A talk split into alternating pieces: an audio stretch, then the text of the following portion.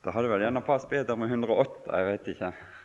Når du ser liksom ut vinduet, og det regner i ett øyeblikk og solskinn i neste øyeblikk. Det er vel eh, kanskje også en sang som overfører de vekslende ting der ute på vår vandring og på vår sti. For eh, den kan jo te seg så underlig, og den kan variere så underlig. Jeg vet ikke om det finnes noen som beskriver et liv, ei vandring, med slike kontraster som Guds ord. Og hovedpersonen her, han utgjør de ytterste kontraster. Den ytterste, fra den ytterste fortvilelse til den høgste opphøyelse. Ifra liksom Jeg tenker på det at uh, der i begynnelsen i Hebreabrevet så er det sitert litt fra salmene der og i Salme 102. Og Det som er sitert der, det som går like forut for det som er sitert der, så er det liksom en mann som i fortvilelse liksom tenk, Han er blitt en ensom mann. Den mest ensomme mann som denne verden har opplevd og sett. Og han liksom sier bare La ikke liksom dagene mine gå ut liksom av historie. Bli et ubeskrevet blad. En som ingen tenker på, en som ingen har noe som helst forbindelse med tanke, med, den, tanke på. Den ytterste ensomhet. Det som er tidens største problem i Norge ensomhet det som er den alvorligste lidelse iblant den alminnelige nordmann, det er ensomhet. Så går du inn i Salme 102 og leser om denne mannen. Og så ser du hvordan liksom, dette vendes om til å beskrive han i neste øyeblikk. Når alt dette her er synlige forgår, men du blir til evig tid. Blir du. Og Hvis vi kommer inn i slike perioder der vi føler, kan føle kanskje at du er et sånt null, og et, eh, et, eh, en som ingen bryr seg om, og en som liksom tenker da at hvis jeg lukker igjen øynene nå, så er det knapt nok at de oppdager liket mitt. Det blir vel bare stanken som gjør at de i hele tatt finner meg så er det nok å gå inn der og gå inn til Han. Og gå inn og få noe av den samme opplevelse og art. For det er det nemlig disse skrifter ønsker å lede oss fram til. Det å forbinde oss med denne personen. Lede oss fram til Han. Inn i, i Hans hadde nær sagt opplevelser. Og inn i Hans løp. Det vil si ikke hans løp, For han har løpt et løp, og han har stridd en kamp. Men vi har et løp, og vi har òg en kamp som er oss foresatt, som kan ha noe av den samme karakter. Men vi har en veldig fordel, og det var den vi skulle snakke om. Og det er at vi har sett en som har fullendt løpet. Vi har sett en fullendt. Vi har sett hvordan det går. Vi har sett hvordan det skjer med den som har kommet i mål, hva som skjer med han. Vi har et vitnesbyrd fra han om hans fullendelse, og vi har et, også et vitnesbyrd fra en av hans apostlene når han sa 'Jeg har fullendt løpet', og hvordan det skjedde for hans del at han fullendte løpet. Så vi skal kanskje komme inn på det litt seinere. Jeg eh, reiser en del med fly i mitt arbeid. Og så har de sånne magasin eller sånne blad så du skal liksom bla igjennom. Veldig fargerike og fine. Og Der står det liksom forskjellige artikler da inni. og Vanligvis så, så, har de en artikkel om en eller annen person. Det kan være en idrettsmann eller en kunstner eller en forretningsmann eller en eller annen vellykka person. Og Nå bare jeg blar raskt igjennom de. Jeg leser som regel ikke det som står der, for det er lite som fanger min interesse. Men jeg bare bladde igjennom her nå, og da var det en forfatter. Og jeg leste ikke det som sto der, men jeg bare så underskrift under et bilde. Og Der sto det i teksten til det bildet at 'Jeg skriver i håp om å finne ut hva det vil si å leve'. Og Så hadde de liksom lagt bildet nokså uklart av vedkommende person, som heter Vigdis Hjort. Et mer eller mindre tullent kvinnemenneske her i Norge, som eh, er ganske flink til å formulere seg antagelig. Jeg har aldri verken lest noe eller aner ikke hva hun er. Men hun har hatt en viss suksess som forfatter. Jeg skriver, og antagelig er budskapet like klart som det bildet som de hadde lagt av det henne der. For det var bare ei, ei skodde. Jeg skriver i håp om å finne ut hva det vil si å leve å leve. Folk er veldig opptatt med å finne ut hva som er livet. Hva er livet? Det er en stadig søken etter noe. De vil finne ut hva som er livet, og de vil ha det her og nå. Jeg kjørte forbi eh, Fjellhaug skoler i Oslo. Og der eh, sto det malt med slik sprøytemaling, noen ungdommer antagelig, som har sprøyta på en mur. En, eh, en tekst som sto så klart og tydelig at alle kunne lese det. Finnes det et liv før døden? Det var vel en, antagelig en slags form for spit, eller en slags form for De der folkene oppe på skolen der, de var vel helst opptatt med dette etter døden.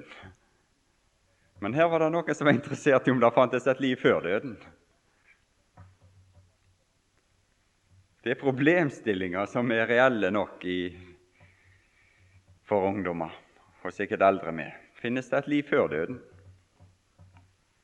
Det er en stadig søken etter dette her med liv og leve. Hva er livet? Ja, det er anvist en vei til liv både før og etter døden. Men jeg er redd det kommer ingen vei fram i ditt søken etter liv hvis du går langs de linjer som, som er antyda både i dette bladet og på denne mur, som de hadde skrevet dette på. Det går ikke med bokskrivning. Det er ingen ende på det, sa han, sier Salomo. De skriver og skriver og skriver og skriver men det går ikke langs den veien. De har drevet på og skrevet, men de har ennå ikke nådd fram, og de når aldri fram. Eller det går heller ikke med ei løssluppen atferd og kaster seg inn i, i kjødets lyster og i, i, i, den slags ting. Det vil aldri gå den veien. Her står anvist en vei til liv i Hebreabrevet 12 og vers 9. I slutten på verset det står det der om å være lydige mot åndenes Fader, så vi får leve. Lydige, eller ordet der er vel mer egentlig underordnet. Egentlig så betyr ordet der å stille seg slik at vi får med åndenes Fader å gjøre like som et barn er under foreldrenes oppsikt, om du vil, tilsyn, behandling, til stadighet. Det er det som ligger i det ordet 'lydige mot Åndenes Fader' her. Det er å stille seg i en slik stilling i forhold til Han at du er under stadig kontakt, i en stadig tilsyn i en stadig kontakt, Ikke slik som jeg leste i en annonse for et stevne omtrent som dette. Det er vel ikke omtrent som dette, de har vel litt annet innhold, kanskje, men det var liksom den samme, samme, samme sorten innbydelse til et eller annet, der det sto som en, med stor skrift 'En uke i Guds nærhet'. Det var det de mente til. De mente til at det skulle til ei reise dit og dit for å komme en uke i Guds nærhet. Ja, jeg tenkte med meg når jeg leste det, at jeg syns det var litt lite med ei uke. Syns ikke du det er litt lite per år med ei uke i Guds nærhet, du som er et Guds barn? Hmm? Tror ikke det hadde vært litt lite for barna dine, du som har små barn, om de bare var ei uke i året inne i din nærhet? Det hadde vel gått galt med de barna som var bare ei uke i foreldrenes nærhet. Det hadde gått ganske galt med dem. Det er, vel ikke, det er vel ikke den slags forestillinger vi lever i. Det er vel ikke den slags syn vi har på vår Far. Det er vel ikke den slags syn vi har på Åndenes Fader, at det er en slags fjern, utilnærmelig skikkelse som aller nådigst i en stor uh, forsamling når vi er, er liksom avslappa og glade og kommer sammen med en hel del andre folk, så skal vi liksom oppleve en uke i hans nærhet. Da liksom innvilger han oss ei uke i året. Og så får vi reise hjem og leve på det rest til neste år. Da er vi på ville veier. Hvis det er den slags tankegang, hvis det er den slags forestillinger vi har om Åndenes Fader. Og Hvis det er den slags forestillinger folk kommer her, da skulle vi nesten bedt de reise hjem igjen eller avvikle hele greia her. Det var, det var det vi ville prøve på, hjelpe hverandre til at vi kunne ikke leve ei uke i Guds nærhet men leve stadig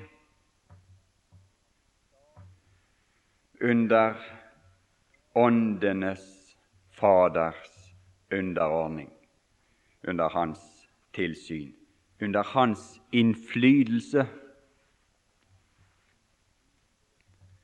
der han når oss. For det står dette her ordet der, jeg vet ikke hva det gjør, men det peker kanskje tilbake igjen, hopper over kapittel 11. Nå går vi rundt kapittel 11, ikke i kapittel 11, som du sa. Vi får gå litt rundt om. Hopper tilbake til kapittel 10, i slutten der. Så står det midt i vers 38 dersom han undrer seg. Det er nemlig mulig. Det er nemlig mulig for en som er blitt frelst, en som er blitt gjenfødt. Det er nemlig mulig å unndra seg Åndenes Faders stadige innflytelse. Og da vil det gå galt med ditt liv, med det å leve. Et barn kan ikke greie seg uten sine foreldre. Ja, ja, det kan vel i og for seg det, altså, men det må ha tilsyn. Det må ha noen som, som, som er der, noen som veileder, noen som, som tar seg av dem. Noen som er der, noen som har, tar egentlig og, og passer på og sier, sier, sier, hva de må gjøre og ikke gjøre. Ellers vil det gå galt. Ellers ville de, ellers ville de, de, de går til grunne. Dersom hans sjel unndrar seg ja, da har min det, det er et svært ord, syns jeg. Da har min sjel ikke lenge ikke lyst til ham. Det som var hans lyst, for det var nemlig det som var hans lyst. Han hadde sin lyst i menneskenes barn. I mennesket hans velbehag måtte disse englene disse forbigåtte på en måte engler ut på Betlehemsmarkene. På en måte var de forbigått i og med at han var gjort lite ringere enn englene. Så var de forbigått, og så måtte de undre seg, og så måtte de forkynne dette budskapet, og så måtte de, var det, det, det som de måtte erkjenne, at det var i mennesker han hadde sitt velbehag, ikke i engler. I mennesker. Og det er det gjenfødte mennesket, et menneske i Kristus, der har Gud sitt velbehag og sin lyst. Han har lyst på deg. Er lyst. Du er hans lyst.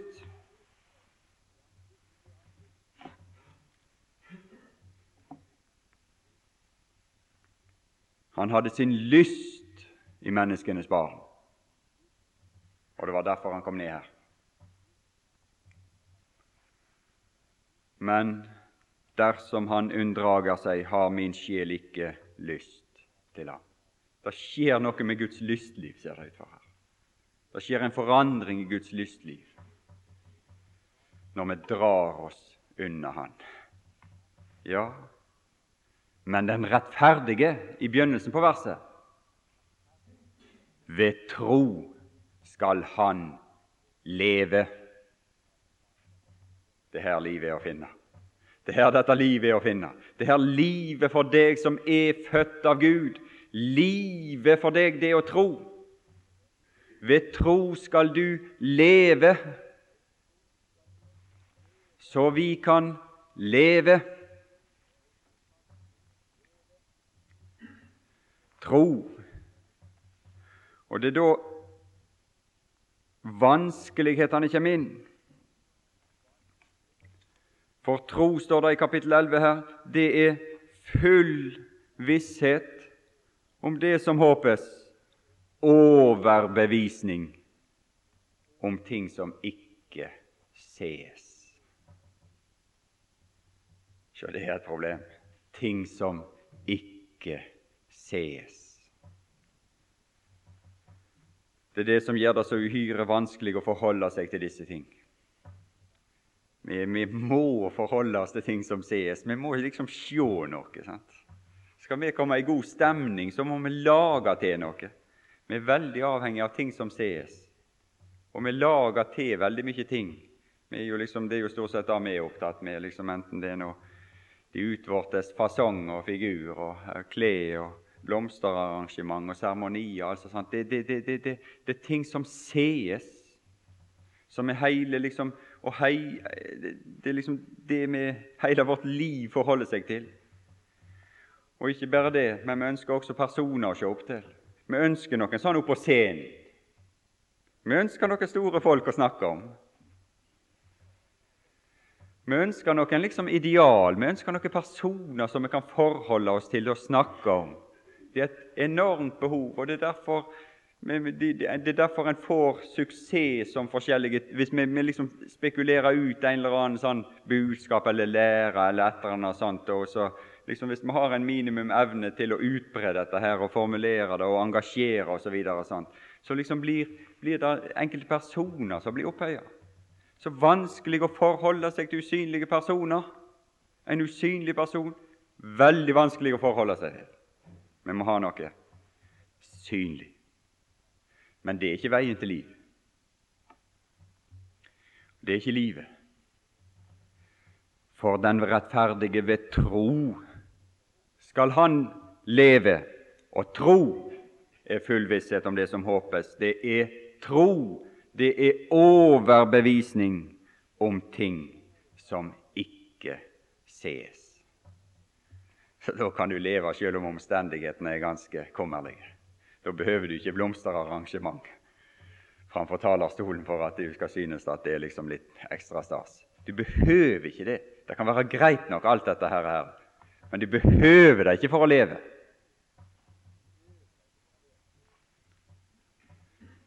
Du kan leve sjøl i de mest kummerlige omgivelser. Leve. Ting som ikke ses. Det er vanskelig å forholde seg til for oss, det er vanskelig å forklare, det er vanskelig å legge ut, og det er vanskelig å forstå. Det er, uhy det er uhyre vanskelig å forstå disse tingene her. Men her er et forhold her. Her er gitt en adgang, her er et forhold til Gud, åndenes Fader, Gud som Far. Her er gitt oss en adgang inn i denne usynlige verden, den er nemlig gjort tilgjengelig for oss ved troens opphavsmann og fullender. Jesus. Han har gjort dette tilgjengelig for oss. Han har vist oss troens vei.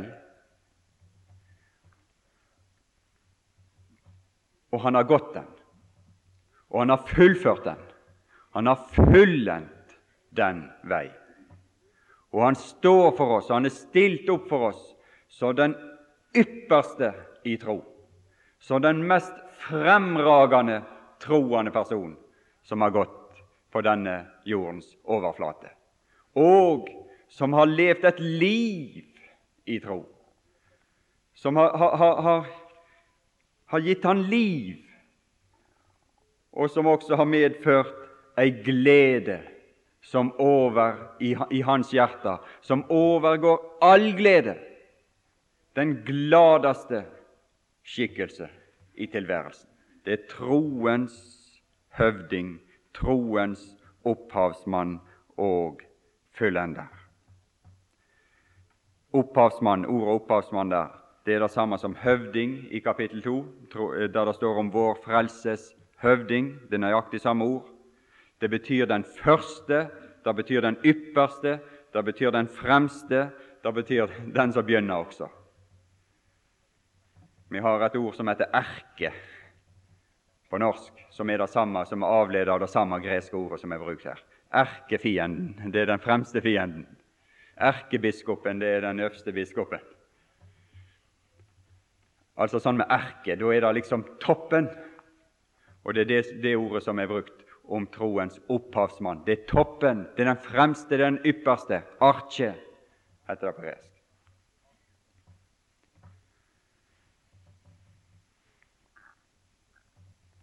og fullender. Det er Han vi ser, så det står, står det her. Det ble snakket om seere her. Vi ser en fullendt. Og vi ser det ikke som noe som liksom skal skje en gang i framtiden, men vi ser noe som er fullendt og som gir oss i en mye mer, setter oss i en mye mer gunstig posisjon enn alle i Hebreabrevet 11. Vi er privilegert, for å bruke et fint ord, i forhold til alle som er nevnt i Hebreabrevet 11. For vi ser nemlig en som har kommet i mål. Vi skriver ikke i avisa om at den og den skal vinne en gang, og så liksom tenke oss hvordan det blir når han vinner. Vi, vi, vi, kan lese om han som har vunnet, han som har brutt målsnora, han som har gjennomført løpet, og han som har bestiget tronen. Det er han vi ser. Vi ser en fullendt.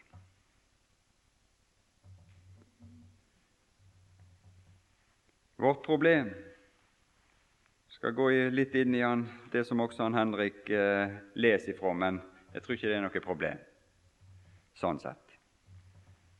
Det som er vårt problem, det er i Hebreabrevet 2,8. det. Ja, der står det at alle ting er lagt under hans føtter. Det er kjekt å snakke om.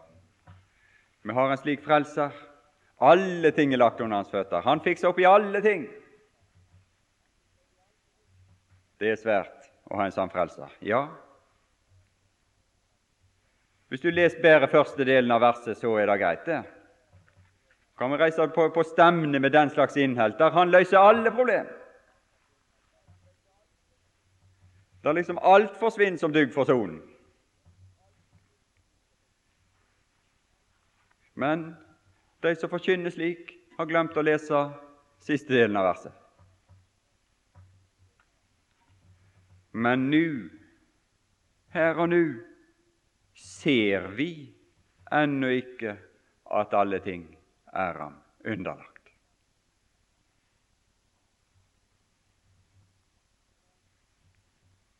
Du kan ikke se Jesu makt i dine omgivelser i dag og i din tilværelse. Det er det som står her. Nå ser vi ikke at alle ting er Han underlagt.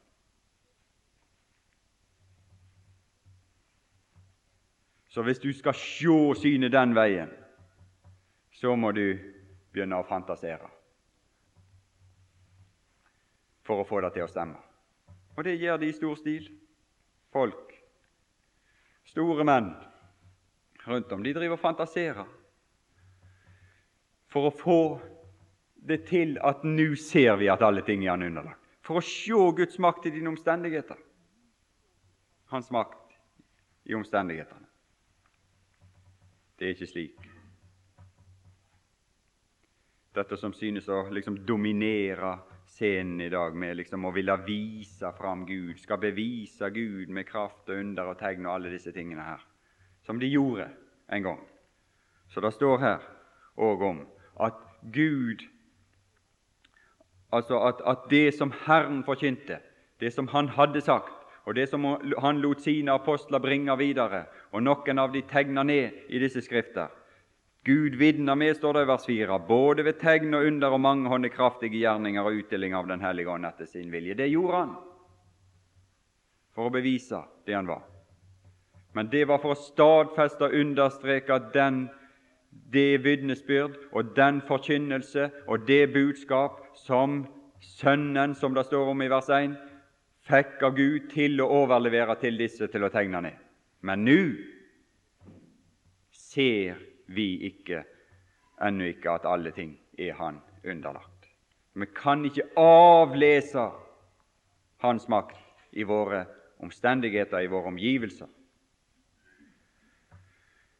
Men Jesus, men Jesus, han ser vi. Men da må du se en annen vei. Da må du løfte opp hodet. Da må du gjøre slik som troens opphavsmann og fyllender sjøl gjorde når han gikk rundt her i Palestina og i Judea og i Galilea. Når han gikk rundt i disse land, så står det at han løftet sine øyne imot himmelen og du må følge troens opphavsmann og fullender og gjøre det samme. Og da ser du et syn. Da ser vi Jesus. Og så ser vi Han som har besteget tronen, Han som har fullendt løpet, Han som har gått i mål, og Han som har besteget seierstronen. Kront med herlighet og ære. Det er syn. Dette syn overgår de gamles syn, de som så i kapittel 11. De så de òg. Vi kunne lese kanskje disse to siste ordene der i Hebreabrevet 11. Disse fikk enda alle disse fikk vitnesbyrd for sin tro. Vitnesbyrd for sin tro. Og dette vitnesbyrdet her er det ikke mennesker som gir dem. Det er Gud. Det står her på grunn, i vers 2 i Hebreabrevet 11 på grunn av den, altså troen, fikk de gamle godt vitnesbyrd. Er du interessert i et godt vitnesbyrd? Ja, naboen og de andre troende og den og den, ja ja, det kan være greit at de taler vel om oss. Og vi bør tale vel om hverandre, står det endatil. Men det er, så, det er ikke det som teller, egentlig. Men dette er et vitnesbyrd. Gud vitnet, står det her. Gud vitnet om dem. Det er det vitnesbyrdet. Og det vitnesbyrdet er alltid knytta til tro. Til tro på Han. Han fikk det vitnesbyrdet i vers 5, står det helt på slutten. Han fikk det vitnesbyrd at han tektes Gud.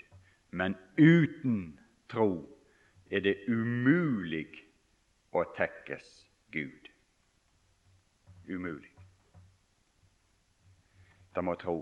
Du må tro.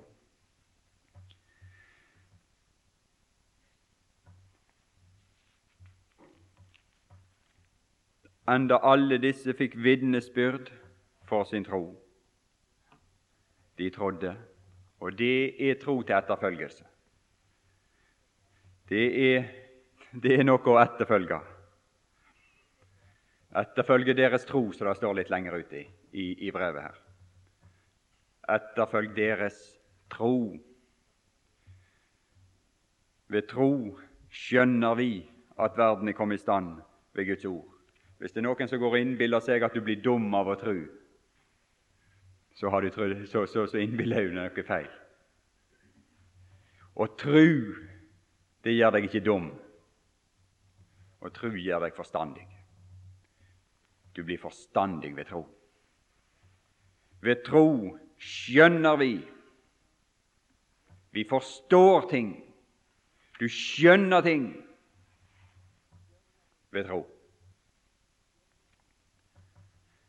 Det skulle blott bare, bare mangle òg, når du tenker på hvem som åpenbarer seg, når du tenker på hvem vi tror på, når du tenker på, på, på, på den som åpenbarer seg, og den som har, har, gjort tilgang til seg ved troen. Og så skulle vi bli dumme. Nei, du får forstand av å tro.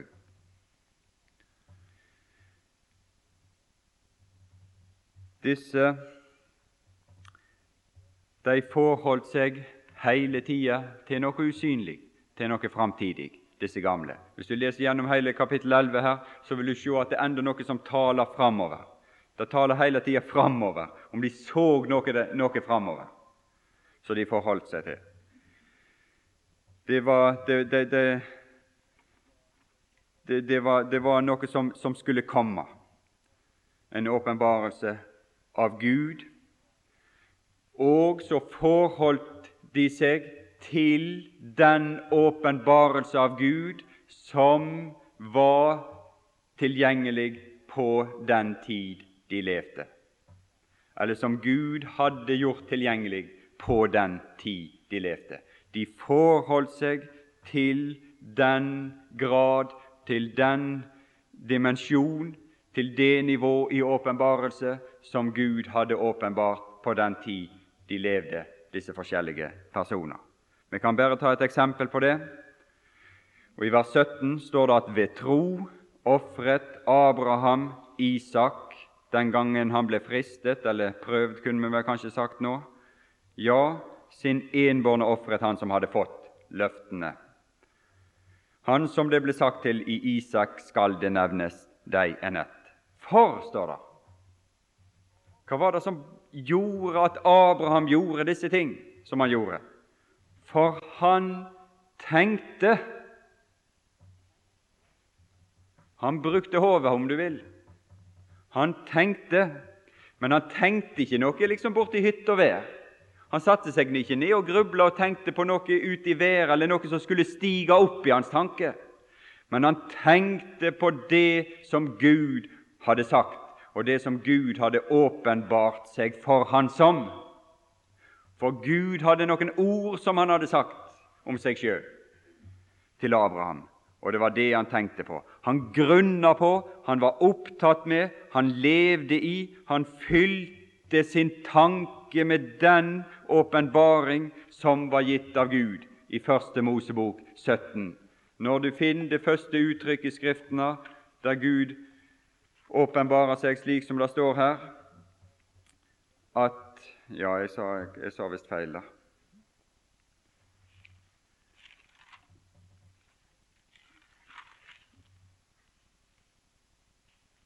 La meg se, jeg, det gikk visst ifra meg, dette her. Men det står i hvert fall slik at han åpenbarte seg for Abraham, og så sa han 'Jeg er Gud den allmektige'. Jeg er Gud den allmektige.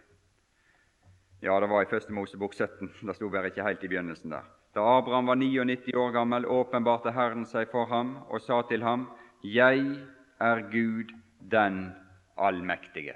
Og det er, så vidt jeg vet i hvert fall, så er det første gangen at det står om Gud at han er en allmektig Gud. Det er der. Han åpenbarte seg for Abraham, Isak og Jakob. Så åpenbarte han seg som den allmektige, sier han, senere i 2. Mosebok 6, er det vel. Jeg åpenbarte meg for Abraham, Isak og Jakob som den allmektige Gud. Det var den sida av Gud, det var den egenskap ved Gud som han åpenbarte seg for disse som. Det var det de så, den allmektige. Og så tenkte Gud, tenkte Abraham på dette, og så fylte han sin tanke med dette, og så inntok han dette. Det er dette som er troslivet. Han trodde at Gud var allmektig. For Gud hadde åpenbart som, som allmektig, og så hadde denne Gud, den allmektige Gud, gitt han et løfte om ei ett i Isak. I Isak skal det nevnes deg en ett. Og så, når han da ble bedt om å ofre han på Moria berg, så står det at han tenkte i vers 19 at Gud er mektig. Og hvorfor tenkte han at Gud er mektig? Ja, for Gud hadde åpenbart seg for han som den allmektige. Han tenkte at Gud er mektig, endog til å oppvekke han ifra de døde. Og derfra fikk han han òg likesom tilbake. Vi kunne snakket om Moses og hans åpenbarelse. Og han fikk åpenbart andre og nye sider ved Gud. Og han viste i sitt liv at han trodde på Gud på den måten. Han trodde på Gud som, som han som åpenbarte seg som i sin egenskap som 'jeg er', eller 'den som er'. Som Navnet var kjent fra før, men ikke Gud i den egenskapen var ikke kjent før ved Moses. Men Moses handla i hele sitt forhold til Herren og til Israels folk i ut ifra den forståelse, ut ifra den åpenbarelse som Gud hadde gitt han, og som Gud hadde vist han, at det er Han som er. Og så ser vi han når han er i, i sine, sine, forbindelser med Gud, og når han, når han taler folkets sak som Gud, så appellerer han alltid til Gud i den karakter. Slik er det.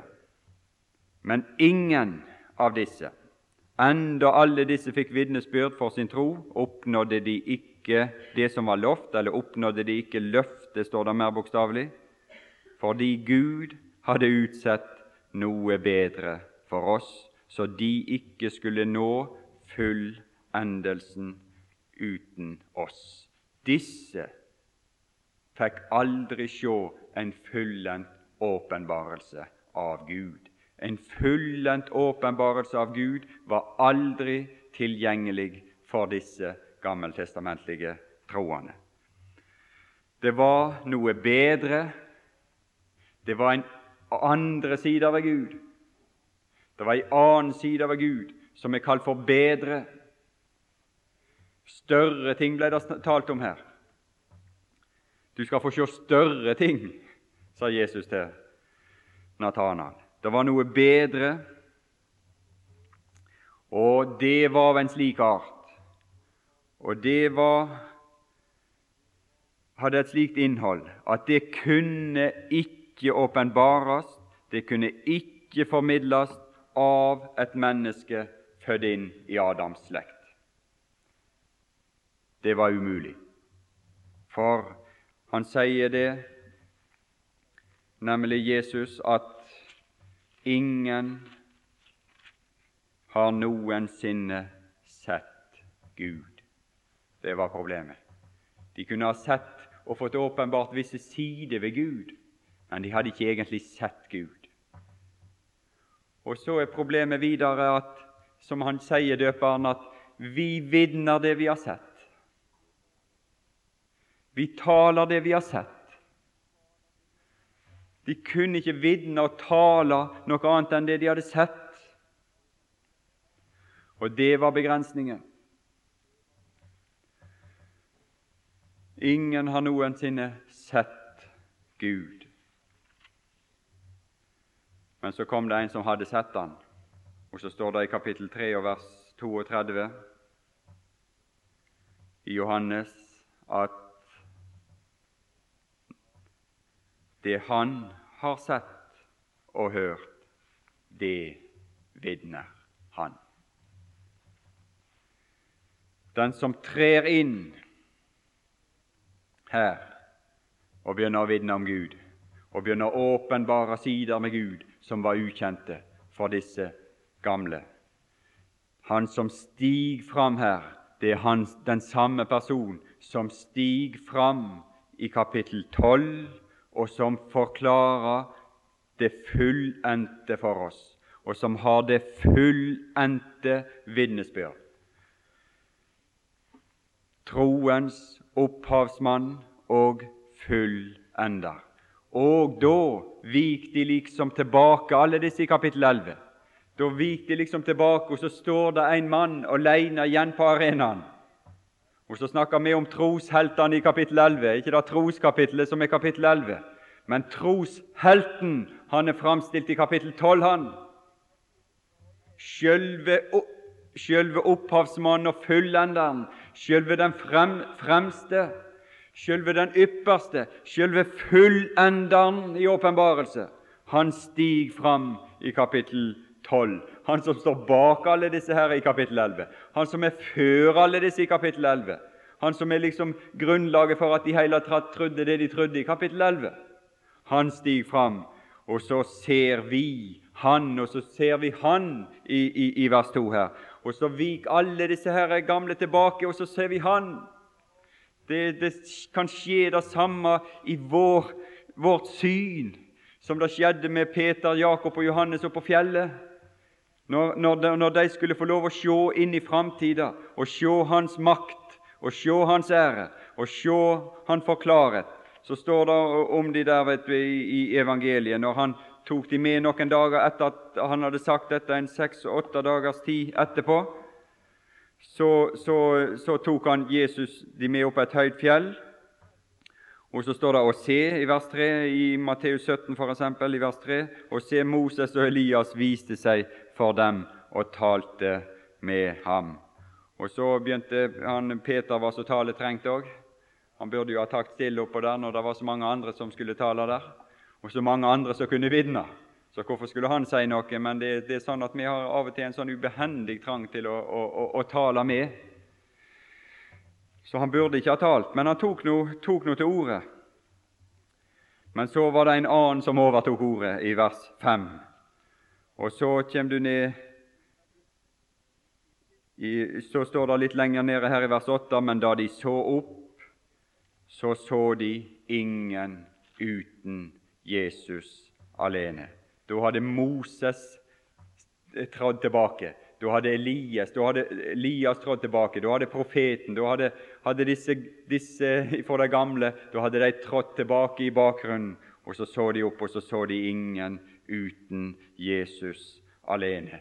Og den røst, den åpenbarelse, som kom ifra himmelen, den tale som kom ifra himmelen, som gjorde at disse trådde tilbake, som gjorde at disse liksom veik bort. Det var en åpenbarelse, det var en tale ifra himmelen som sa 'Dette er min sønn', den elskede, i hvem jeg har velbehag. Hør ham. Og så ser vi at det er dette som også skjer i kapittel 12 i Hebreabrevet. Og så skjer det ikke bare med Han, men så har det skjedd det med han. Han har nemlig gått igjennom noe som det, som det har skjedd med han, at det er åpenbart at han har ikke sin Gud som far alene, men han sa 'min far', og så sa han en dag 'eders fader'. Og så ser vi her i Hebreabrevet 12, så stiger sti Gud fram, og så sier han til deg 'min sønn'. Så sier han til den troende 'min sønn' så er det en åpen himmel også over ditt liv som troende, der det, står, der det er et faderansikt som, som, som, vi, som eh, ser ned på deg og sier 'min sønn'. Og så står det 'det har du glemt'. Og det er det som er tragedien i våre liv. Vi har glemt dette. Men vi greier liksom ikke å huske på det. Dere har glemt. Og så blir det alle slags spørsmål og alle slags vanskeligheter og alle slags ting som vi troende finner på, og problemstillinger som skyldes denne ting. Dere har glemt den formaning som taler til dere som til barn, min sønn. Det fikk aldri de gamle oppleve. De, gamle troende fikk aldri oppleve at himmelen åpna seg over dem, og så var det en stemme som sa 'min sønn'. Men det er det som er åpenbart nå. Han har åpenbart Faderen. Han har åpenbart Faderen for oss. Han har ført oss som troende inn i et totalt nytt forhold. Og så er den sørgelige tingen det er at vi er så forferdelig flinke til å glemme. Dere har glemt. Ble en uke i Guds nærhet, så det sto. Men slik at det kunne være med å tilskynde deg, være med å påvirke din hukommelse så du ikke glemte disse ting så disse hadde glemt. Min sønn. For da forandrer ikke omgivelsene seg, men da forandrer forholdet seg. Da forandrer situasjonen seg totalt. Da blir vurderingen, da blir opplevelsen av situasjonen totalt omsnudd. Ikke omstendighetene. Det ble det heller ikke for Jesus. Når himmelen åpna seg til stadigheten, og Jesus gikk rundt med all slags motstand, med all slags forfølgelse, og inn, inn til, til, de tok livet av han. Alle disse ting. Så forandra ikke omgivelsene seg for han. Men når han løfta opp sitt åsyn og, og, og, og, sa 'Far', og opplevde den forbindelsen der, så var situasjonen forandra. Du, du, har vel sett små barn som slår seg og opplever nærmest verdens undergang. De har fått, fått et sår, der blør på kne. Det er omtrent som verdens undergang for dem. Det skal ikke mer enn at de ser far, eller de ser mor. Og så er liksom situasjonen ikke forandra i og for seg, men situasjonen, opplevelsen av situasjonen for dem er totalt ny. Åndenes Fader, så vi kan leve. Det, det, det, det, det, det er totalt omsnuelse. Ja, hvordan skal vi lære dette? Hvordan skal vi lære dette og ikke glemme Faderen? Ja, det er bare én måte å gjøre det på. Du må lære det av Han som er fullendt. Du må lære det av Han som har åpenbart det for oss. Du må lære det av Han som har nådd fullendelsen, eller Han som har brakt fram fullendelsen i lyset for oss. Det er den beste vei å lære. Første gangen ordet 'fullendt' er brukt i Hebreabrevet i kapittel 2 og vers 10, der det står om troens høvding igjen, til frelsens høvding. Det står at, at det sømmet seg for ham, for hvis alle ting er til, og ved hvem alle ting er til, da han førte mange barn til herlighet. Det er det, det, er det som er, endemålet for løpet. Det er det som er, er liksom Det dreier seg om dette å leve med Gud. Førte mange barn til herlighet gjennom lidelser og fullende det er første gangen det blir brukt i dette brevet, men du har tanken allerede i kapittel 1, som egentlig er den fullendte åpenbarelse, den fullendte tale, om du vil. Den endegyldige taler, den endegyldige forkynner, den endegyldige taler som har talt Guds ord. Det siste ord, det fullendte Guds ord, står det allerede i forbegynnelsen. Men her er han fullendt gjennom lidelser og fullende deres frelses høvding. Og så skapes det en forbindelse. Både den som helliggjør, det er Han. Det er Han som har løpt forut. Det er Han som har hatt kampen forut. Det er Han som har gått i mål. Det er Han som har, har blitt kront med herlighet og ære. Og de som helliggjørelse. Det er de som er Hans. Det er de som tror på Han, det. Og de har sitt, ut, sitt opphav og sitt utgangspunkt i den samme. De er alle av én. Derfor skammer han seg ikke ved å kalle dem brødre, når han sier Og her er det, en, her er det Kristus som helliggjører som stiger fram. Du er vel interessert i Han som helliggjører. Og det, For uten helliggjørelse skal ingen se Herren, står det i, i kapittel 12. Og her, her, trer han inn i aksjon. Her trer han inn, inn på arenaen. Her utfører han sin gjerning iblant oss som helliggjører. Og se hva det er han gjør. Jeg, sier han, vil kunngjøre ditt navn for mine brødre. Det er han som må stå midt i flokken. Det er han som må være midt i. Midt i menigheten vil jeg lovsynge deg. Det er han som er den fremste lovsanger også. Det er han som er den ypperste i alle ting. Det er han som er den fremste, det er han som kan lære oss alle disse ting. Det dreier seg om Han. Det er Han midt i. Og atter jeg vil sette min lit til ham. Det er Han som kan lære oss å stole på Gud. Det er Han som kan lære oss å tro, det er Han som kan lære oss å leve dette livet. Jeg vil sette min lit til Han. Og atter se, her er jeg.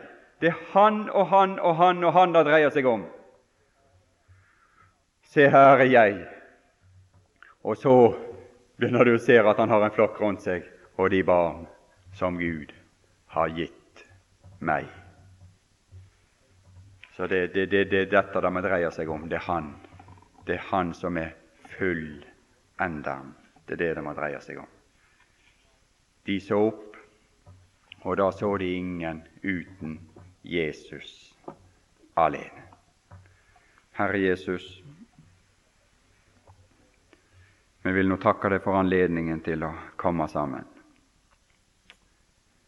Ja, det er mye vi vil takke deg for.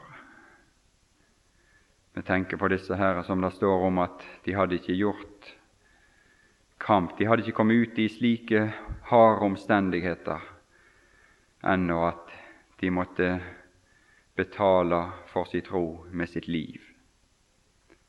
Det hadde ikke flytt blod.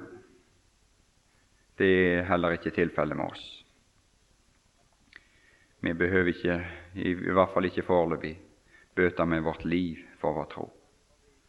Men vi vet det at det er ytterst vanskelig, det er ytterst strenge ting som, og, og, og ytterst vanskelige forhold og sterke makter som, som, som gyver løs på oss òg, og troslivet vårt. Om det ikke er slik i det ytre synlige, så kan det være sikkert vel så galt med de krefter og de makter som vil stjele ifra oss disse forhold til den usynlige verden, den overbevisningen om ting som ikke ses.